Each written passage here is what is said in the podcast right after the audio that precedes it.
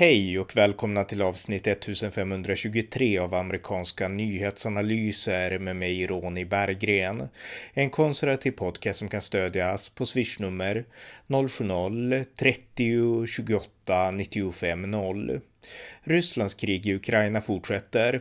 I detta avsnitt följer ett samtal med Kina-experten Jojo Olsson om hur Kina förhåller sig till kriget och till Ryssland i den nuvarande situationen. Varmt välkomna! Jojo Olsson, välkommen. Tack så mycket. Det har ju hänt nu väldigt mycket med politiken här i Europa på grund av Rysslands krig i Ukraina. Men vi ska prata om Kina och Kinas förhållande till det. Och det här kriget i Ukraina har ju pågått i drygt, ja, lite mer än två veckor nu. Och eh, den första frågan är, hur har Kina, liksom innan kriget kom igång, förhållit sig till den här konflikten som ändå sakta växte, växte fram under ett års tid egentligen? Kina och Ryssland har ju närmat sig varandra ganska betydligt eh, de senaste åren eh, genom eh, ja, men främst eh, en rad eh, ekonomiska samarbeten, men även på det militära och diplomatiska området.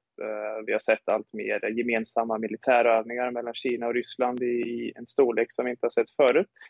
Och det har varit en slags utveckling där vi har sett då att Kina och Ryssland har drivits av en slags gemensam eh, vilja att, eh, som man säger, underminera vad man upplever är en USA-ledd demokratisk allians då som vill, eh, ja men som är ute efter att eh, eh hålla Kina och Ryssland nere, att eh, motverka de här auktoritära eh, regimerna som vi har i de länderna. Då. Och eh, precis eh, innan Rysslands attack mot Ukraina så eh, träffades eh, Vladimir Putin och Kinas president Xi Jinping i Peking i samband med invigningen av vinter-OS där. Och eh, det här var lite eh, speciellt då, för att Putin blev den första utländska statschefen som Xi Jinping träffade på två år eftersom Xi Jinping har då isolerat sig själv under eh, covidkrisen, under eh, coronavirusets framfart. Och eh, det är då dels ett signalvärde i att han träffar Putin som första statschef, men också då var det ännu mer anmärkningsvärt vad som sades och vilka överenskommelser som gjordes under det här mötet. Eh, dels då så eh, har vi eh, nya handelsavtal vad gäller då export av rysk olja och gas till Kina. Gasexporten ska tiodubblas och den här oljeexporten ska också då Eh, öka de kommande, kommande ett eller två decennierna. Och det här är avtal som är värda ungefär ja, närmare 1500 miljarder kronor så att eh, det ger då en slags eh, ekonomisk försäkring, en inkomstförsäkring kan man väl nästan säga då till Ryssland ifall eh, den här gasexporten och oljeexporten till väst, till Europa framförallt då, eh, skulle störas på grund av kriget. Och förutom de här ekonomiska samarbetsavtalen så hade vi även ett eh, gemensamt diplomatiskt uttalande där Xi Jinping då backade upp Putins krav på att eh, NATO inte ska expandera med några fler medlemsländer. Så då kan man då säga i realiteten vad Xi Jinping gjorde här, det var att försöka diktera svensk utrikespolitik genom att motsätta sig eh, att fler länder ansluter sig till NATO. Så det här var en väldigt eh, viktig, eh, som jag säger, del av eh, inledningen eller förberedelserna till den ryska attacken mot Ukraina då, att eh, man fick dels eh, ekonomisk men även diplomatisk uppbackning från Kinas håll. Mm. Innan vi kom in på kriget, då, vad fick Kina utbyte mer än det här liksom, lilla handelsavtalet och så? Alltså, fick man något mer utbyte, andra löften eller, eller så? Alltså Kinas eh, syfte i det här är som sagt då att man vill eh, etablera en, eh, en auktoritär axel, en slags, eh, om inte allians, så i alla fall ett eh, strategiskt partnerskap då, med Ryssland, vi kan tänka oss fler länder som exempelvis Iran eh, för att då motverka eh, den här eh, trenden att demokratier under Joe Bidens ledning har rört sig allt närmare USA, allt närmare varandra. Så från Kinas håll, det som man tjänar mest på i det här då, det är ju att stärka den diplomatiska och ekonomiska relationen och visa västvärlden då att vare sig vi eller Ryssland eller för den delen andra länder behöver vara beroende av er och den världsordning som ni formar. Och sen vid sidan av det så eh, gav Putin även stöd till den så kallade ett Kina-principen som då innebär att Taiwan eh, är en del av Kina då från, eh, från kinesiskt perspektiv. Just det. Mm. Okej, okay, men kriget började och det vart ju starka reaktioner från väst och det gick väldigt snabbt för västvärlden att enas. Och eh, det väst gjorde under USAs anförande det var att införa väldigt hårda sanktioner mot Ryssland och de har just trappats upp stegvis. Hur har Kina hängt med i det? Alltså när väst börjar sanktionera Ryssland. Har Kina också lagt sanktioner eller har Kina liksom berättat hur de har förhållit sig? Det här är en väldigt svår balansgång för Kina vad gäller sanktioner därför att Kina är ju världens största handelsnation. Deras eh, ekonomiska uppsving som vi har sett de senaste årtiondena är ju helt beroende av att man har tillgång till de internationella finansmarknaderna, man har tillgång till dollar, man kan då få betalt i dollar för, för sina exporter och så vidare. Så man är från Kinas håll helt beroende eh, av de här eh, internationella systemen och, och den här eh, valutahandeln som finns och man kan absolut inte riskera att bli utestängd från det här. Det skulle innebära enorma ekonomiska konsekvenser för Kina. Och eh, det här eh, är ju precis vad eh, Kina riskerar då, så kallade andrahandssanktioner. Om eh, man bryter då mot eh, de här sanktionerna, de internationella sanktionerna mot Ryssland, då riskerar de aktörer som bryter mot sanktionerna att själva utsättas för, för samma sanktioner. Då. Så om vi då tar ett exempel, eller vi kan ta två exempel. Då. Eh, vi kan ta exempelvis om det är en kinesisk bank som fortsätter att eh, ja, erbjuda dollar till eh, ryska företag, eller ryska banker fortsätter att finansiera projekt i Ryssland. Då riskerar den här banken att bli utestängd från Swift, från eh, alla andra internationella eh, ja, hela finanssystemet då så att säga. Och eh, det vore ju inte alls särskilt bra för, eh, för affärerna. Och eh, det är inte bara banker och finans som det här rör, utan det handlar även om högteknologi och eh, andra företag inom teknik, tekniksektorn. Det finns exempelvis, som jag läste om igår eller för ett par dagar sedan, så finns det ett en tillverkare av eh, halvledare och mikrochip i Kina som eh, då förser Ryssland med de här produkterna. Och det är alltså ja, teknologiska produkter som behövs för eh, ja, militära, eh, militärt eh, materiell, militär infrastruktur, men även för övervakning och, och annat då som gör det lättare för den ryska regimen att behålla makten. Men för att kunna tillverka den här utrustningen så behöver det kinesiska halvledarföretaget mjukvaror och utrustning utifrån, från USA, från väst, eh, från Taiwan, från Korea för den delen också, från, från den demokratiska världen helt enkelt. Så om det här kinesiska halvledarföretaget fortsätter att förse Ryssland med den här tekniken då som är satt under sanktioner, då kommer det kinesiska halvledarföretaget också att Eh, drabbas av de här sanktionerna och kan då inte fortsätta sin tillverkning. Så från kinesiskt håll är det här jättesvårt, för å ena sidan så har man ju då sagt i det här mötet som vi nyss nämnde då i Peking förra månaden att eh, samarbetet mellan Kina och Ryssland är gränslöst och eh, Xi Jinping vill utan tvekan se att Vladimir Putin går på något vis segrande eller stärkt ur den här konflikten. Och eh, det är egentligen bara Kina som har Eh, kapacitet att dämpa sanktionerna som de här, eh, förlåt, dämpa effekten som de här sanktionerna kommer ge mot den ryska ekonomin. Eh, men samtidigt då i den processen att försöka dämpa de här sanktionerna så riskerar man att själv råka ut för, eh, för konsekvenser. Och det här är inte bra i Kina eftersom i år så har vi en viktig partikongress i höst där Xi Jinping ska bli eh, utsedd till generalsekreterare för en tredje ämbetsperiod och eh, man vill verkligen att eh, det ska vara en stabil, som jag säger, stabil omvärldsmiljö, stabil politiskt tillstånd när det här sker.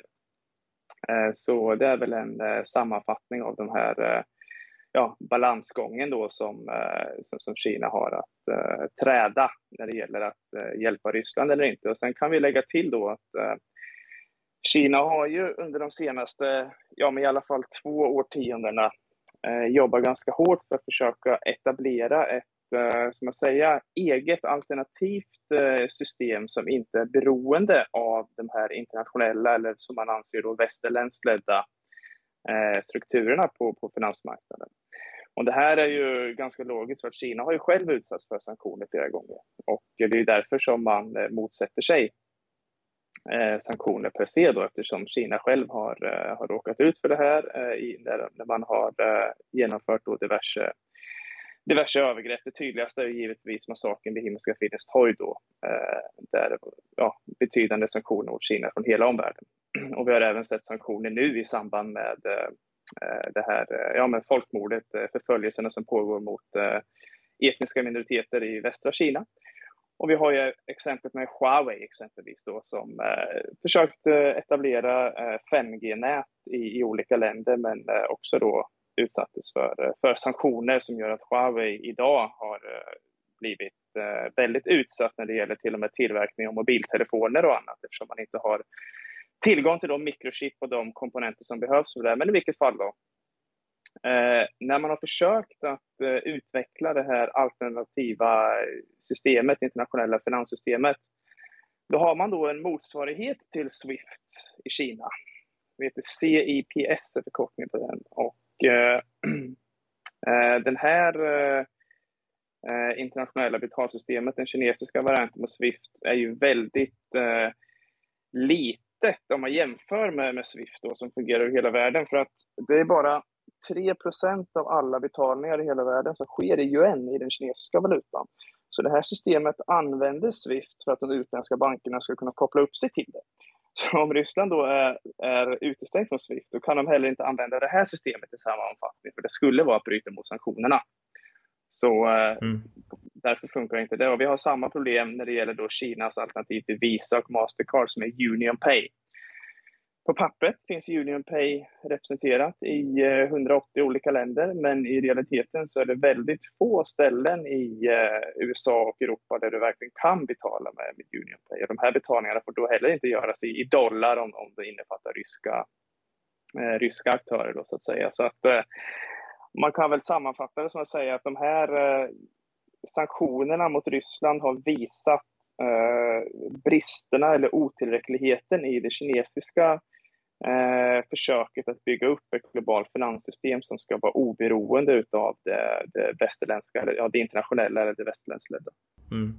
Ja, det var intressant. Så en balansgång samtidigt som de försök eller möjligheter som Ryssland kanske trodde fanns att få hjälp av Kina, de, de stängs också på grund av att allt är så uppbyggt kring den här västerländska dominansen verkar det som då. Men då är frågan, därför att sen när kriget då väl kom igång så började det ju köra fast ganska mycket för Ryssland.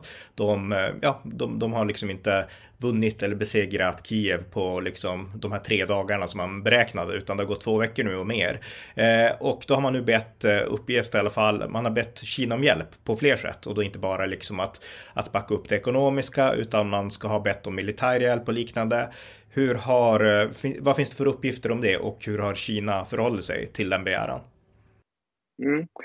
Ja, det är en eh, väldigt eh, intressant nyhet som kom eh, först igår. Då. Innan vi talar närmare om det tänkte jag bara återkoppla lite som hastigast till den här balansgången som Kina har att göra. För att den gäller inte bara när det kommer till sanktionerna. Vi har även sett hur Kina utåt sett försöker framstå som neutralt, att man inte vill välja sida. Man förespråkar slut på striden om diplomatisk lösning om man försöker framstå då som att ja, man är den enda neutrala parten som skulle kunna eh, ja, men kanske leda en förhandling eller eh, man, man hela tiden gör det här att man motsätter sig eh, krig och strider och man försöker framstå som, eh, ja, men som att man inte väljer sida. Men om vi då istället för att bara lyssna på retoriken tittar på vad Kina har gjort istället, så, eller gör, då eh, framgår en helt annan bild. Vi pratade nyss om de här diplomatiska och ekonomiska eh, uppbackningarna som Kina gav Ryssland eh, innan invasionen påbörjades. Och eh, de här har ju fortsatt eh, efter att eh, attacken inletts. Vi ser att Kina fortfarande vägrar att kalla det här för en invasion. Man använder istället de ryska orden om en, ja, men särskild militär operation eller vad man nu kallar det. Och man har försökt eh, avleda så mycket som möjligt av skulden till USA och NATO som då inte har förstått de ryska säkerhetsintressena. Och det här är det som man säger officiellt utåt från kinesiska tjänstemän. Och tittar man inrikes på kinesiska statliga medier och eh, sociala medier på Kinas hårt kontrollerade internet. Det här är alltså en diskurs som Kinas myndigheter, Kinas kommunistparti är 100% i kontroll över. Därför att man styr alla medier, man äger medierna, man eh, kan censurera på, på internet vad som ska sägas och inte sägas. Då kan vi se här att både i statliga medier och på sociala medier så förstärks den eh, ryska propagandan.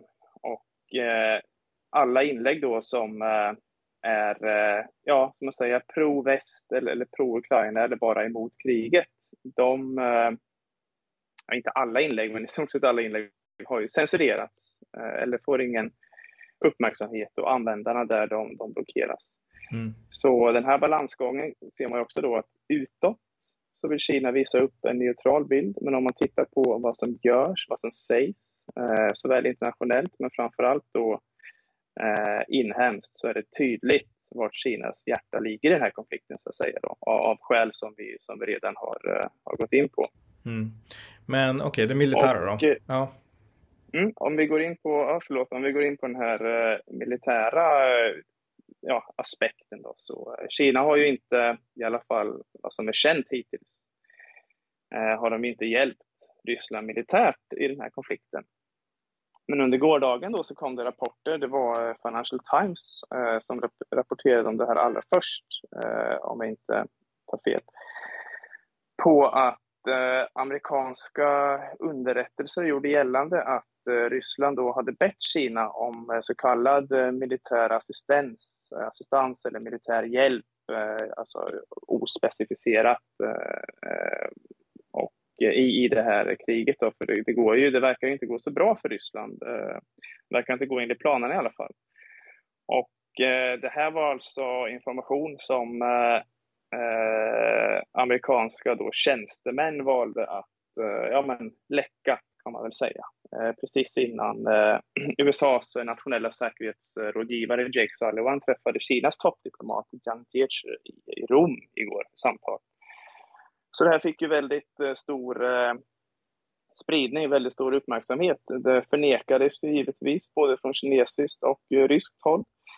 Men idag så kom det då lite ännu, ännu mer uppgifter från ja, men dels Financial Times men, men även andra källor då att Eh, man citerade eh, amerikanska dip diplomatic cables, diplomatiska meddelanden då till, eh, till eh, allierade eh, länder Eh, alltså ja, NATO-länder och eh, länder som står på USAs sida, på NATOs sida i den här konflikten. Där man då sa, man pekade på tecken att Kina hade visat en viss vilja till att eh, understödja, USA, eh, understödja Ryssland i den här konflikten, till att, till att ge det här eh, stödet som Ryssland efterfrågar. Då. Återigen inga detaljer på vilken hjälp som avses, vilken hjälp som eh, Kina skulle kunna ge till Ryssland. Vi fick detaljer om eh, vilken slags hjälp som hade efterfrågats, men de här diplomatiska kablarna, diplomatiska meddelandena, de, de sa ju också då att det är även troligt att Kina hela tiden kategoriskt kommer förneka att de, att de ger någon hjälp. Mm. Så det pågår ju utan tvekan en slags, eh, ja men, som jag säger, risk eh, för att eh, Kina kommer då eh, hjälpa till med att beväpna Ryssland, eh, på i, i ja, vilken utsträckning, det vet vi så, såklart inte ännu. Och i så fall så skulle det kunna bli en form av proxykrig i, i Ukraina, vilket är väldigt, väldigt otäckt. Mm, ja, verkligen. Eh, vi ska gå in på Ukraina snart, men jag kom på en annan fråga också. Du nämnde tidigare då att i Kina så censurerar man hårt när liksom folk pratar om kriget i Ukraina och det har uppstått en stark censur i Ryssland också. Nu har man släckt ner en del sociala medier. Jag läste att Instagram stängdes ner häromdagen. De har fortfarande internet i, i Ryssland då, men, men mycket har liksom ändå stängts ner. Det är hård kontroll och jag gissar, det här är bara en gissning, men jag skulle tro att man har en säkerhetstjänst också som övervakar på internet, det som görs och så i viss mån alla fall. Eh, skulle du kunna bedöma liksom vilket land är hårdast i kontrollen av internet? Ryssland eller Kina? Är det fortfarande Kina eller vad liksom?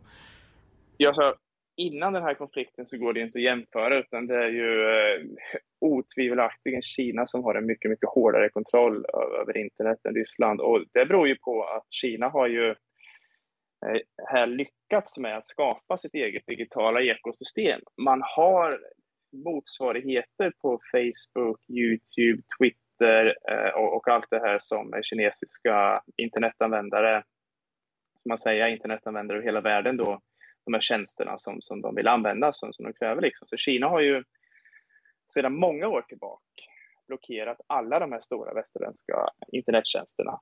Eh, Medan Ryssland då, vad jag har förstått innan invasionen, jag är ingen Rysslands expert, eh, men, innan invasionen här så var ju alla de här tjänsterna, Facebook, Twitter, YouTube, de var ju tillgängliga och vissa av dem är väl det fortfarande då i, i viss utsträckning. Och eh, ja, det här beror ju helt enkelt på att Kina har så oändligt mycket mer resurser än Ryssland. Eh, de här resurserna då, ja ekonomin är ju tio gånger större och befolkningen är också tio gånger större. Mm. Och eh, det innebär ju då att man kan skapa egna digitala eh, ekosystem. Man har eh, pengar, kunnande och ambition som behövs för att skapa ett alternativt Twitter, ett alternativt Facebook och man kan även, man har även, ja, krasst uttryck, nog med folk för att eh, fylla ut de här tjänsterna så att de blir meningsfulla då så att säga. Eh, så att eh, Kinas eh, kontroll över internet, Eh, den, enda som skulle göra att Ryssland passerar Kina i, eh, i den här faktorn, ja det är väl att Ryssland släcker ner sitt internet i stort sett. För att eh, Kinas internet är ju helt kontrollerat av, av de inhemska myndigheterna och dessutom så, som du nämnde då, att det finns säkert säkerhetstjänst och eh, andra aktörer som bevakar vad som sägs på det ryska internet nu. Det har vi verkligen kunnat se i Kina då. Det finns ju ett eh, väldigt eh, berömt citat av, av Bill Clinton som, eh, som då eh, sa att, eh, att försöka kontrollera internet är som att spika upp jelly på väggen. Att det går liksom inte.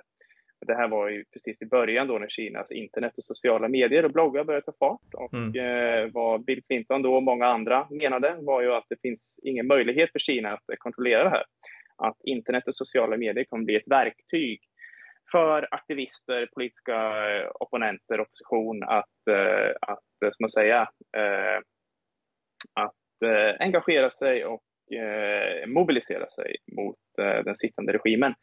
Men vad vi istället har sett de senaste åren, framförallt sen Xi Jinping blev president, det, det motsatta. Att internet har istället blivit verktyg för regimen att kunna leta rätt på och sätta dit dissidenter och politisk opposition. Mm, just det. Och man har byggt sitt eget internet, det är det man har gjort, alltså ett parallellt system egentligen. Så skulle väst släcka ner så skulle de ha sitt interna system fortfarande.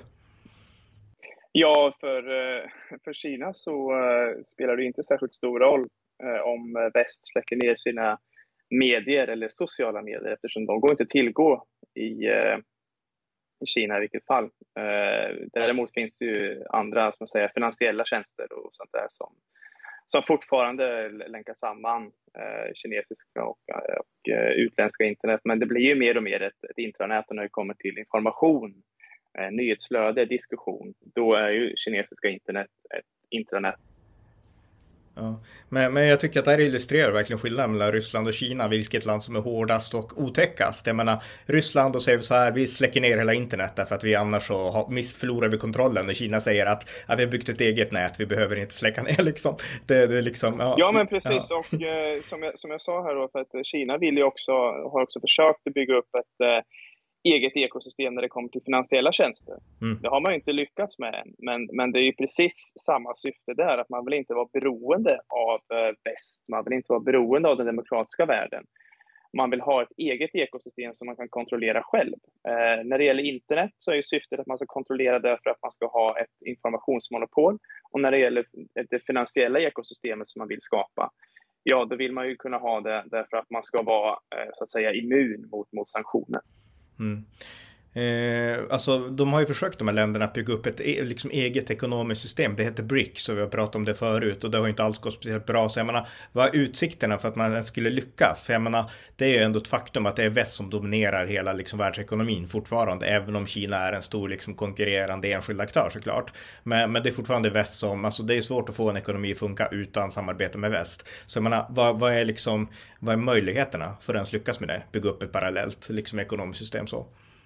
Ja, BRIC, det var väl egentligen en en väldigt lös sammansättning av fyra stycken länder som hade en snabb tillväxt och eh, sen blev det ju BRICS när, när Sydafrika också anslöt sig. Men det här, ja, det, det, var ju mer en politisk och ekonomisk dialog än vad det var någon form av allians. Men eh, om vi, ja, för, för, att svara på din fråga då, att det, det största problemet för eh, Kina och, och, Ryssland och andra auktoritära länder eh, när det kommer till den här frågan då, det är ju dollarns eh, dominerande roll i världsekonomin, den globala ekonomin. Ryssland, om de inte har tillgång till dollar, då är det inte mycket de kan importera. Det är inte många importvaror som de kan köpa då, förutom, eh, förutom från, Kina och eh, några andra mindre länder. Och till och med mellan Kina och Ryssland så sker en majoritet av handeln i dollar. Därför att dollarn är den, den stabilaste valutan, den internationellt mest gångbara valutan. Kanske ska tillägga här att en stor del av handeln skedde med dollar. Eh, för att de senaste åren så har vi kunnat se att eh, i ökad utsträckning så har eh, den ryska importen av kinesiska varor, men framför allt eh, den ryska exporten till Kina, som då nästan uteslutande är olja och gas, fossila bränslen, den har då börjat ske i andra valutor än, eh, än dollar. Man har använt eh, euro äh, till viss del. Man har även då använt yuan och, och rubel. Och det innebär ju då att eh, idag så sitter ju den ryska centralbanken, deras största valutareserv är kinesiska yuan. Och de här pengarna kan man då fortfarande använda för att köpa då kinesiska importvaror, även om man inte får handla med dollar. Skulle Ryssland försöka handla med, med dollar med Kina, då skulle Kina utsättas för de här andrahandssanktionerna. Men nu har man då tack vare att man har försökt att eh, justera om den här, eh, den här handeln från dollar till yuan och rubel, då har man då från Rysslands håll kinesiska yuan som man kan använda för att köpa kinesiska importvaror utan då att det här eh, går emot de internationella sanktionerna eh, om man då inte köper varor som, som har sanktionerats givetvis. Eh, men om vi tittar bara lite snabbt här mellan tummen och pekfingret. Jag minns att ungefär en tredjedel av den ryska exporten till Kina idag betalas med dollar och Eh, bara för fyra fem år sedan så, så låg den här andelen på närmare 90 procent. Eh, om vi tittar på den ryska importen från Kina så är inte eh, ändringen lika stor där. Men det har också gått från 80-90 procent för fem år sedan till kanske ja, men 60-70 procent idag ungefär. Mm, just det. Eh, ja, Okej, okay, men om vi återvänder till Ukraina då. Det här är ju som sagt ett krig som pågår och eh, Kina har inte bara liksom, det är inte bara ekonomiska saker det här handlar om eller liksom relationen till Ryssland, utan det påverkar ju kanske också Kinas syn på hur, ja, jag förmodar att Kina har en ambition att kanske göra samma sak med Taiwan. Och då är frågan, hur analyserar Kina det som händer i Ukraina utifrån sin egen syn på Taiwan? Det här är också givetvis en fråga som har debatterats väldigt mycket och det finns många olika åsikter eh, i, i den här eh, frågan. Och eh, flera av de här åsikterna, även fast de då eh, står i motsats till varandra, så är de väl underbyggda så att säga. Eh, det är klart att Kina tittar väldigt noga på den här situationen eftersom det finns så många paralleller att dra mellan å ena sidan eh, Ryssland och Ukraina och å andra sidan Kina och Taiwan. Eh, om, men det finns också väldigt stora skillnader här. Eh, jag tycker personligen att den här analysen är något förenklad, så jag tycker att det är värt att eh, gå in och utveckla och förklara de här stora skillnaderna som finns mellan, mellan Taiwan och Ukraina. Om vi först och främst då tittar på USAs relation till de här båda länderna så är eh, USA och Taiwans historia helt annorlunda än USA och Ukrainas historia. Eh, USA, har, eh, ja, men USA är själva anledningen till att Taiwan fortfarande existerar som stat. Man har varit Taiwans eh, säkerhetsgarant ända sedan kinesiska inbördeskriget. Man har försett Taiwan med vapen och militär träning. Man har, man har enligt amerikansk lag så ska man hjälpa Taiwan att försvara sig själv. Joe Biden har sagt eh, upprepade gånger, bara sedan han blev president, att eh, USA kommer att komma till Taiwans försvar i händelse av en kinesisk attack. Så det finns ett helt annat eh, eh ja, förutsättningar och eh, anledningar, både historiska och geopolitiska, för USA att militärt försvara Taiwan med boots on the ground vid en, vid en konflikt. Eh, det här var ju de historiska anledningarna som, som jag nyss nämnde då, för att USA har ju ingen, ingen försvarsavtal med, eller skyldigheter med Ukraina. USA har ju inte rustat upp Ukrainas eh, armé och det, kongressen har aldrig antagit någon lag som säger att USA ska hjälpa Ukraina att försvara sig själv. Men om vi tittar på de geopolitiska så rent krast flera analyser, eh, analytiker och, och, analyser också för den delen eh, förklarar ju då att Taiwan är faktiskt viktigare än Ukraina från amerikansk synpunkt framför allt, men även från en global eh, synpunkt. Och, och, det har att göra med, med, flera saker. Till att börja med kan vi titta på Taiwans geografiska position. Eh, den ligger alltså mitt bland världens absolut viktigaste farleder, viktigaste sjöfartsleder. Eh, om Kina skulle ta över Taiwan så skulle man kunna strypa eh, import och handel till, till Japan, till Sydkorea. Om man tog över Taiwan så skulle man få en tydlig, robust, stabil bas varifrån man skulle kunna tränga ut USA från, eh, från Sydkinesiska havet och verkligen implementera och, och göra ja, men, realitet av sina anspråk då på hela Sydkinesiska havet där de andra länderna, Vietnam, Filippinerna, till och med nere i Indonesien, Brunei, de skulle förlora sin, sina territorialvatten då ännu mer sakta men säkert. Och eh, sen har vi även Sen har vi även den här eh, lilla detaljen då att Taiwan producerar omkring 90 procent av eh, världens sofistikerade halvledare. Alltså teknik som är nödvändig för, för att göra precis all viktig ny högteknologi. Eh, om Taiwan skulle falla i kinesiska händer så skulle ja, helt enkelt tillgången till de här halvledarna för den globala ekonomin, framförallt den västerländska ekonomin, skulle, skulle om inte försvinna så i alla fall äventyras. Eh, så det finns många anledningar varför det inte riktigt går att jämföra Taiwan och, eh, och Ukraina. Eh, och sen kan man heller inte jämföra Kina och Ryssland därför att vi har sett de här enorma sanktionerna som du nämnde då som har införts mot Ryssland som säkert är större än, än vad många hade trott på förhand. Eh, skrämmer det här slag på Kina och Xi Jinping? Förmodligen inte. Därför att i Peking så räknar man att alla länder som har infört de här sanktionerna mot Ryssland, de kommer inte våga göra det mot Kina. Därför att Kina är mycket ekonomiskt starkare än vad Ryssland är. Man kan införa kontrasanktioner. Olika länder skulle förlora så enormt mycket mer ekonomiskt om man, om man hamnade i sanktionskrig med Kina än om man, om man gör det med Ryssland. Eh, det finns flera exempel. Ta ett sådant land som, som Singapore som har hoppat på de här sanktionerna mot Ryssland. De har en nästan eh, ja, men obefintlig ekonomiskt utbyte och handel med Ryssland.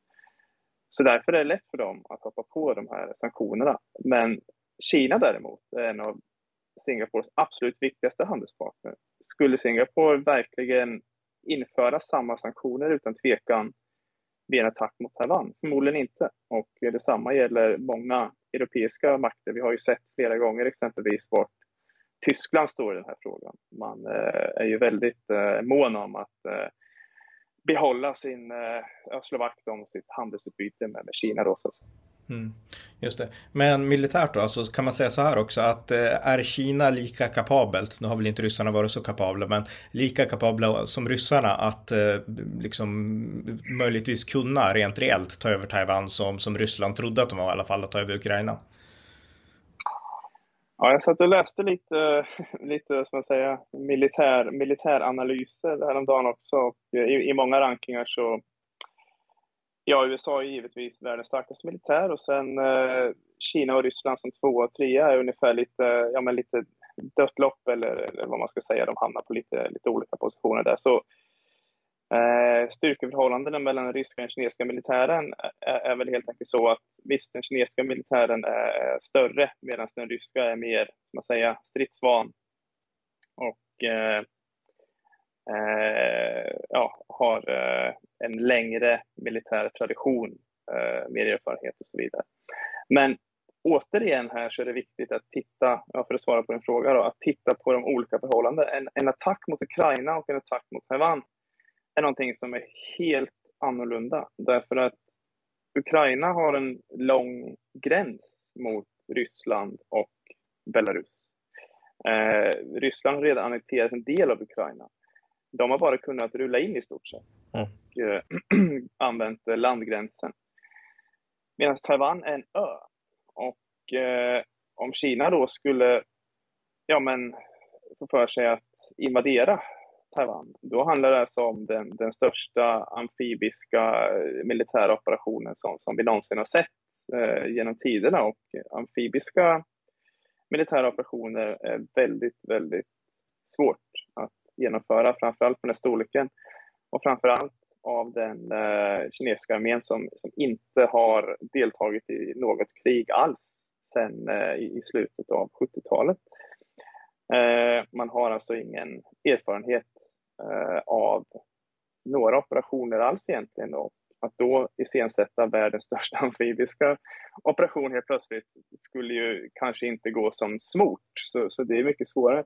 Men, men med det sagt så eh, har ju eh, Kina en väldigt stor fördel av att det här kriget då förs på dess egen bakgård så att säga. USA ligger väldigt långt och, och NATO, NATO-länderna ligger väldigt långt från Taiwan geografiskt.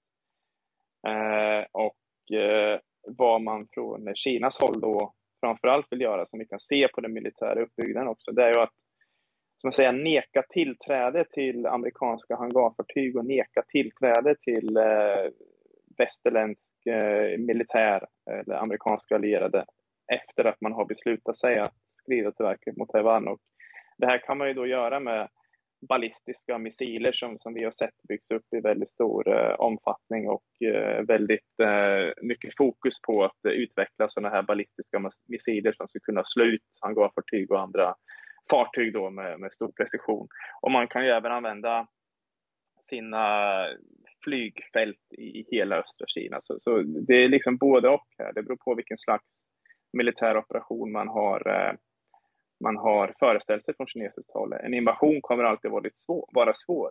Däremot har man ju bättre och bättre förutsättningar för en, en blockad, så att säga. Då, att man eh, blockerar, stänger av Taiwan och sen så eh, ser man till att eh, västerländsk eller militär från demokratiska länder inte får komma i närheten av Taiwansundet.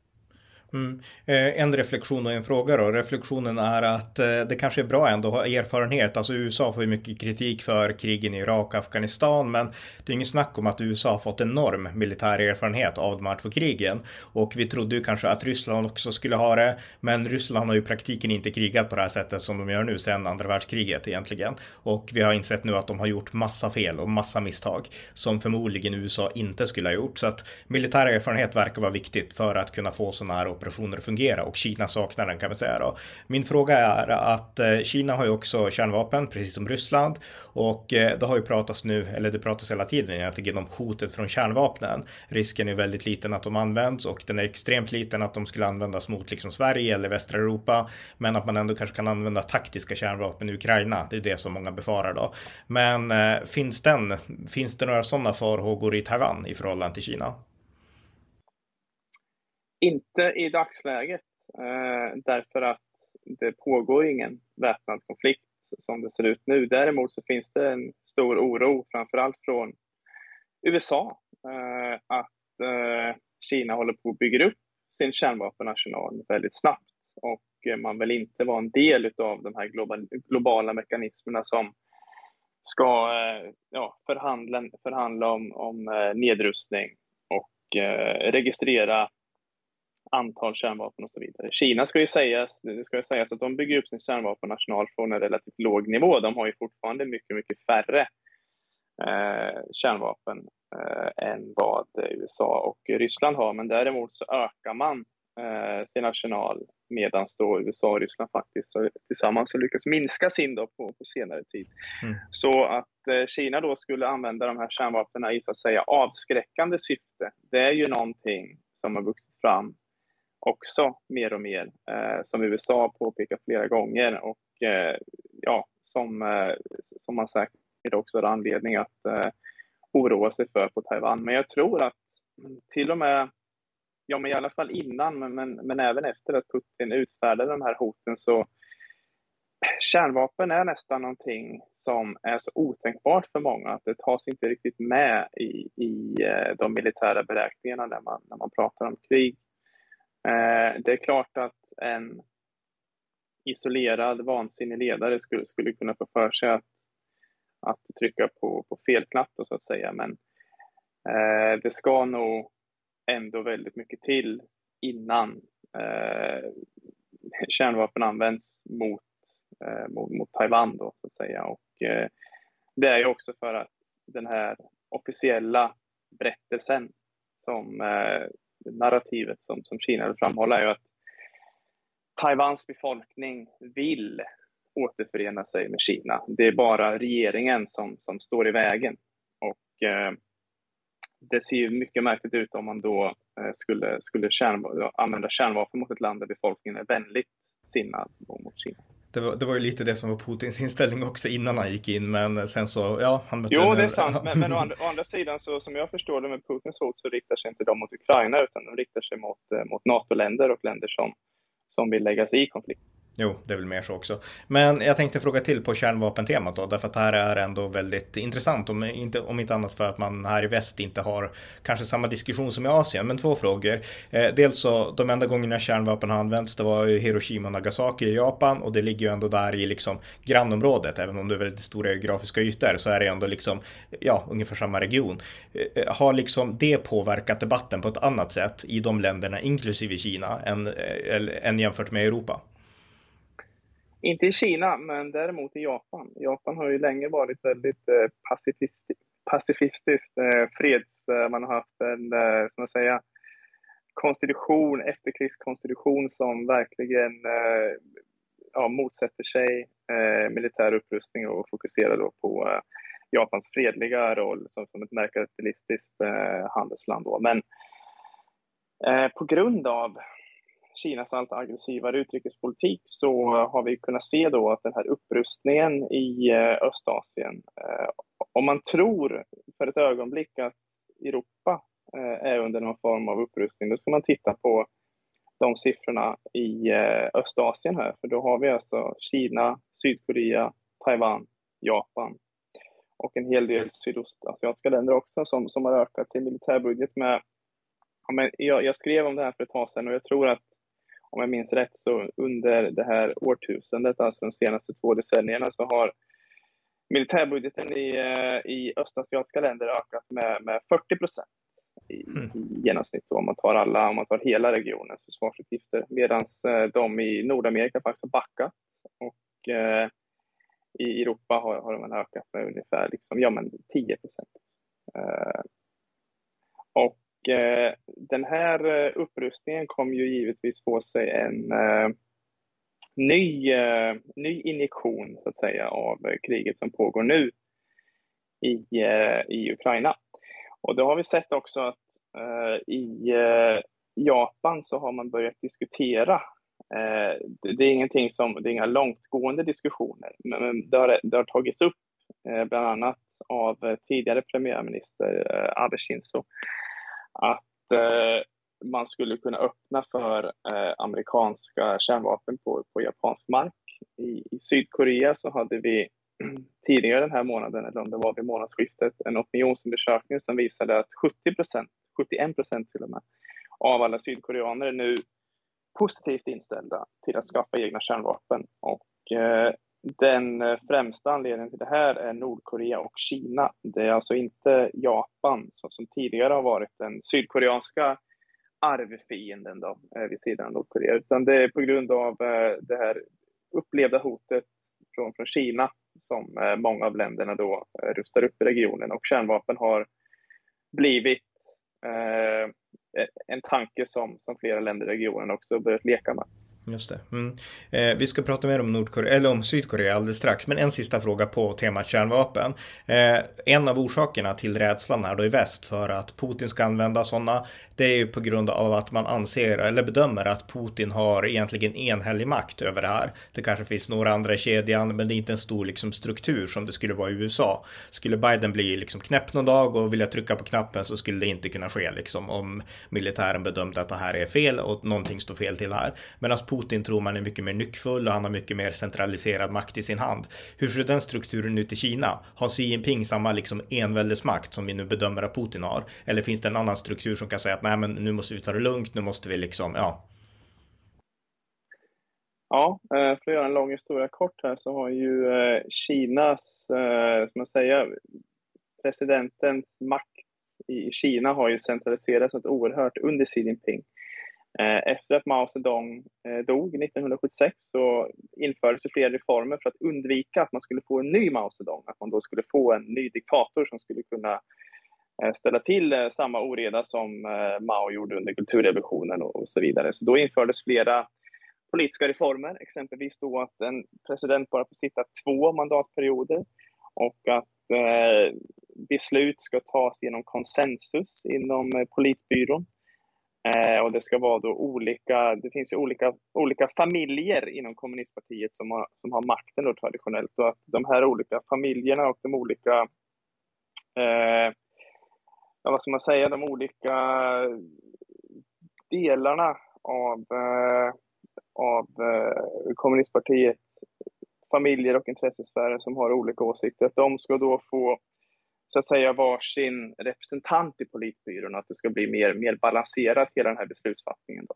Och eh, det här fungerade då ända fram till eh, Xi Jinping eh, blev generalsekreterare 2012 och president 2013. För sedan dess så så har han centraliserat mer och mer av makten eh, kring sig själv. Han har skapat små ledningsgrupper som tar beslut i ekonomi och utrikespolitik och, och andra frågor som presidenten eh, Eh, traditionellt då ska, ska eh, besluta genom eh, ja, men diskussion i, i politbyrån. Man har liksom kringgått de här gamla reformerna och eh, för eh, snart fem år sedan då så eh, meddelades att den här, ämbets, den här gränsen vad gäller ämbetsperioder som en president kan sitta vid makten, den, den ska man slopa.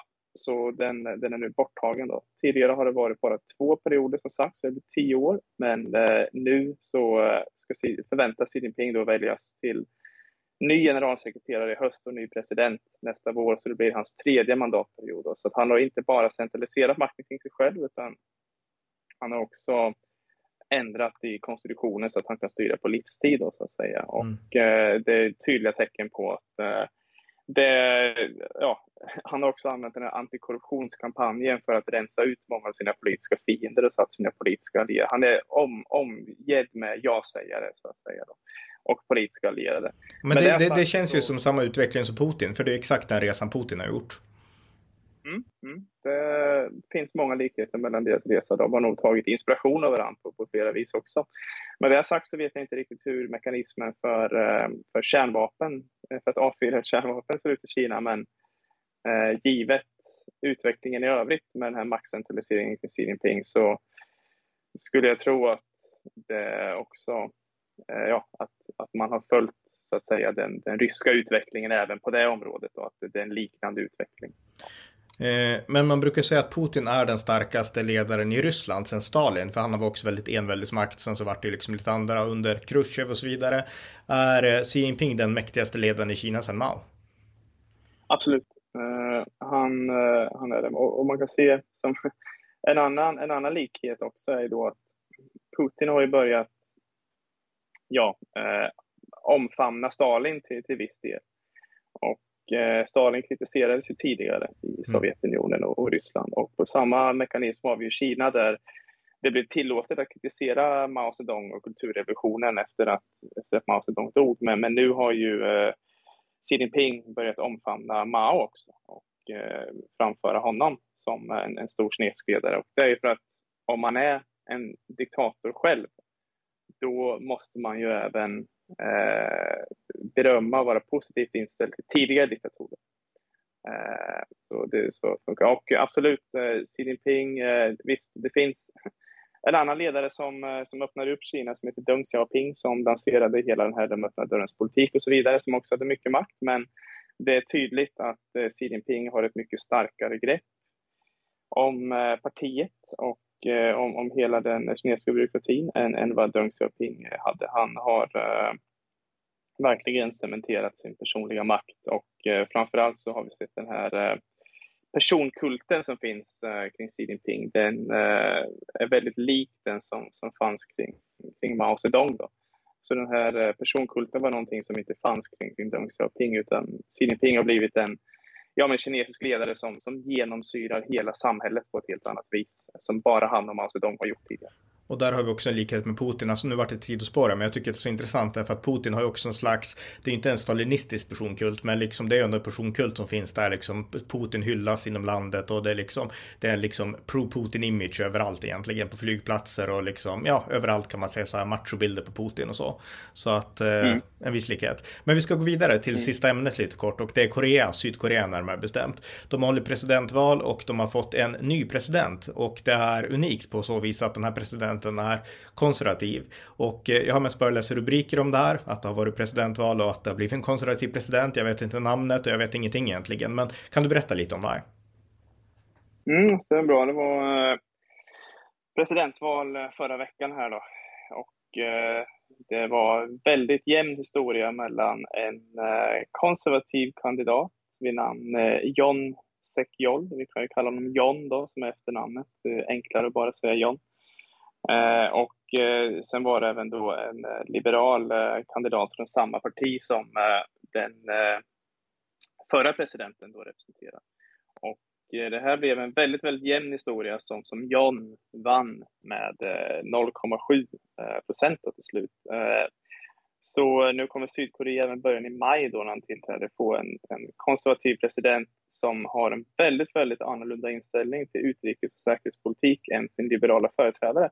Det här är i sig inget unikt eftersom eh, Korea är en väldigt ung demokrati, precis som Taiwan. Eh, första presidentvalet i slutet av 80-talet och eh, sedan dess så har konservativa och liberala presidenter ungefär styrt halva tiden var, skulle man kunna säga.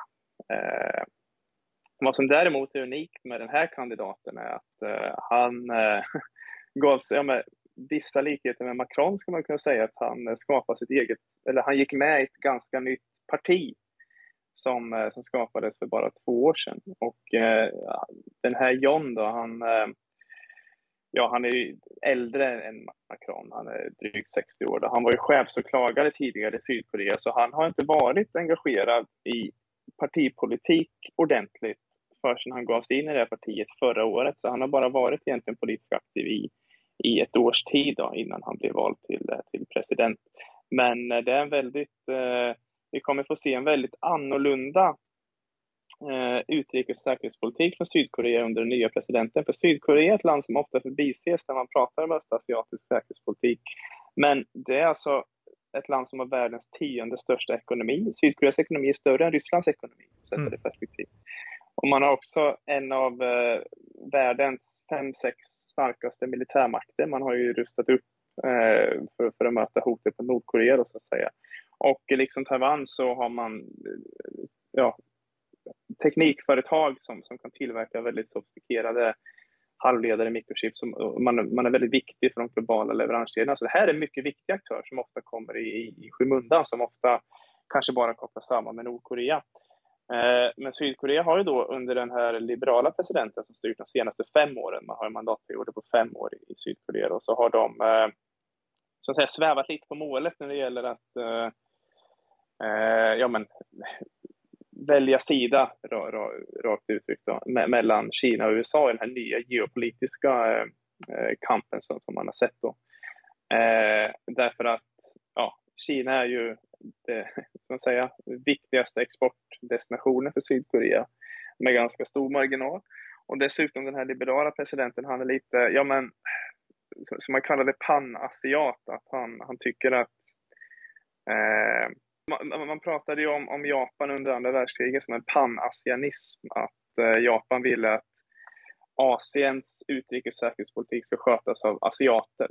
Det, det är liksom inte ändå så eh, den tidigare sydkoreanska presidenten hade en liknande uppfattning i den, anledningen att, eh, i den eh, meningen att han ville balansera den här relationen mellan Kina och USA på ett vis som kanske i, i viss utsträckning äventyrade den här viktiga säkerhetspolitiska relationen som Sydkorea och USA har haft ända sedan, sedan Koreakriget. Så eh, det här är någonting som den nya presidenten, han kommer, eh, ja, nu, nu är det ju alltid svårt att vända en eh, atlantångare så som, som ett land, ett lands byråkratiska administration utgör på bara fem år. Det kanske inte blir någon tvärvändning, men det kommer i alla fall bli en väldigt, väldigt stor skillnad i eh, vart Sydkorea placerar sig i den här geopolitiska konflikten mellan Kina och USA. Kommer det bli någon skillnad i politiken mot Nord Nordkorea då? Absolut, och det här är en skillnad som vi har sett eh, genomgående i Sydkorea ända sedan eh, landet eh, började ha allmänna presidentval i slutet av 80-talet. Att eh, liberala politiker, liberala presidenter, de har ofta bedrivit vad som kallas en solskenspolitik.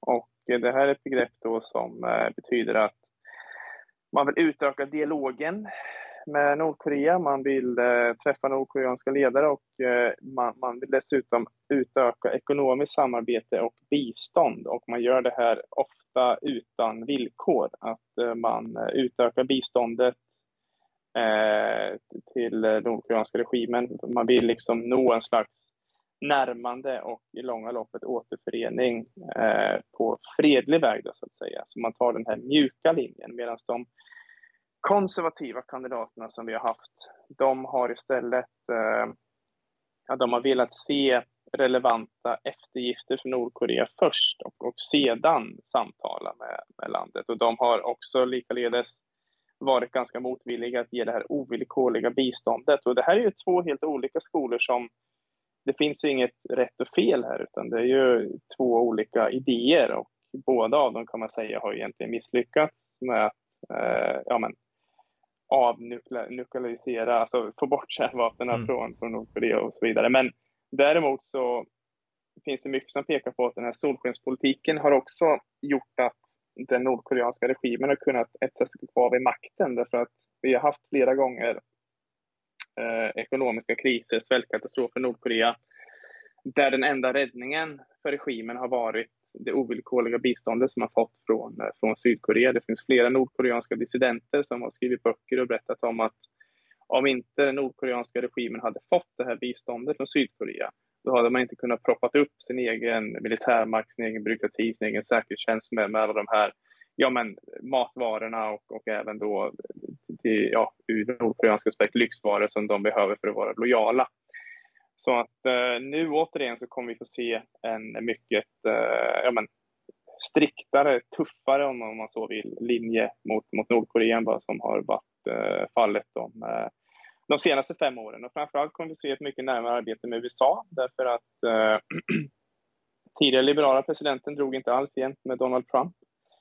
Eh, men nu har vi istället då en eh, konservativ eh, eh, president som ja, Eh, i, i, i sitt utgångsläge i sin valkampanj har propagerat för ett närmare säkerhetspolitiskt eh, eh, ja, samarbete med USA och öppnat upp för fler amerikanska vapensystem på, på sydkoreansk mark. Inte nödvändigtvis kärnvapen, men vapensystem då helt enkelt. Och dessutom vad som är allra viktigast i, ur en regional synpunkt är att Sydkorea och Japan är två stycken demokratier som, som båda har väldigt bra förutsättningar för att samarbeta mot liknande målsättningar. Men av historiska anledningar så kommer de två länderna inte alls överens eftersom Korea var en uh, japansk koloni och uh, där gjorde sig japanerna skyldiga till ganska grova övergrepp. Det handlar om sexslavar och, och all, fångläger och allt sånt där som, som det japanska kejsardömet uh, sysslade med då, tyvärr under andra världskriget. Och på grund av det här så under den förra liberala presidenten så nådde relationerna mellan Sydkorea och Japan en ny lägstanivå kan man säga på, på flera årtionden. Då. Medan den här nya konservativa presidenten har sträckt ut handen lite grann mot Japan och sagt att han vill träffa Japans president eh, efter att han träffat Joe Biden då, som, som den andra ledaren. Och öppnat upp för, ja, det öppnar upp för ett större man säger, säkerhetspolitiskt samarbete mellan Sydkorea och Japan också, vilket man absolut inte skulle tycka om i Kina. Mm, just det. Ja, men intressant. Då har vi fått en rejäl genomgång om det senaste i Asien, så tack så mycket Uje. Ja, tack så mycket. Det var avsnitt 1523 av amerikanska nyhetsanalyser. En konservativ podcast som kan stödjas på swishnummer 070-30 28 95 0 eller via hemsidan på Paypal, Patreon eller bankkonto. Det var allt för idag. Tack för att ni har lyssnat.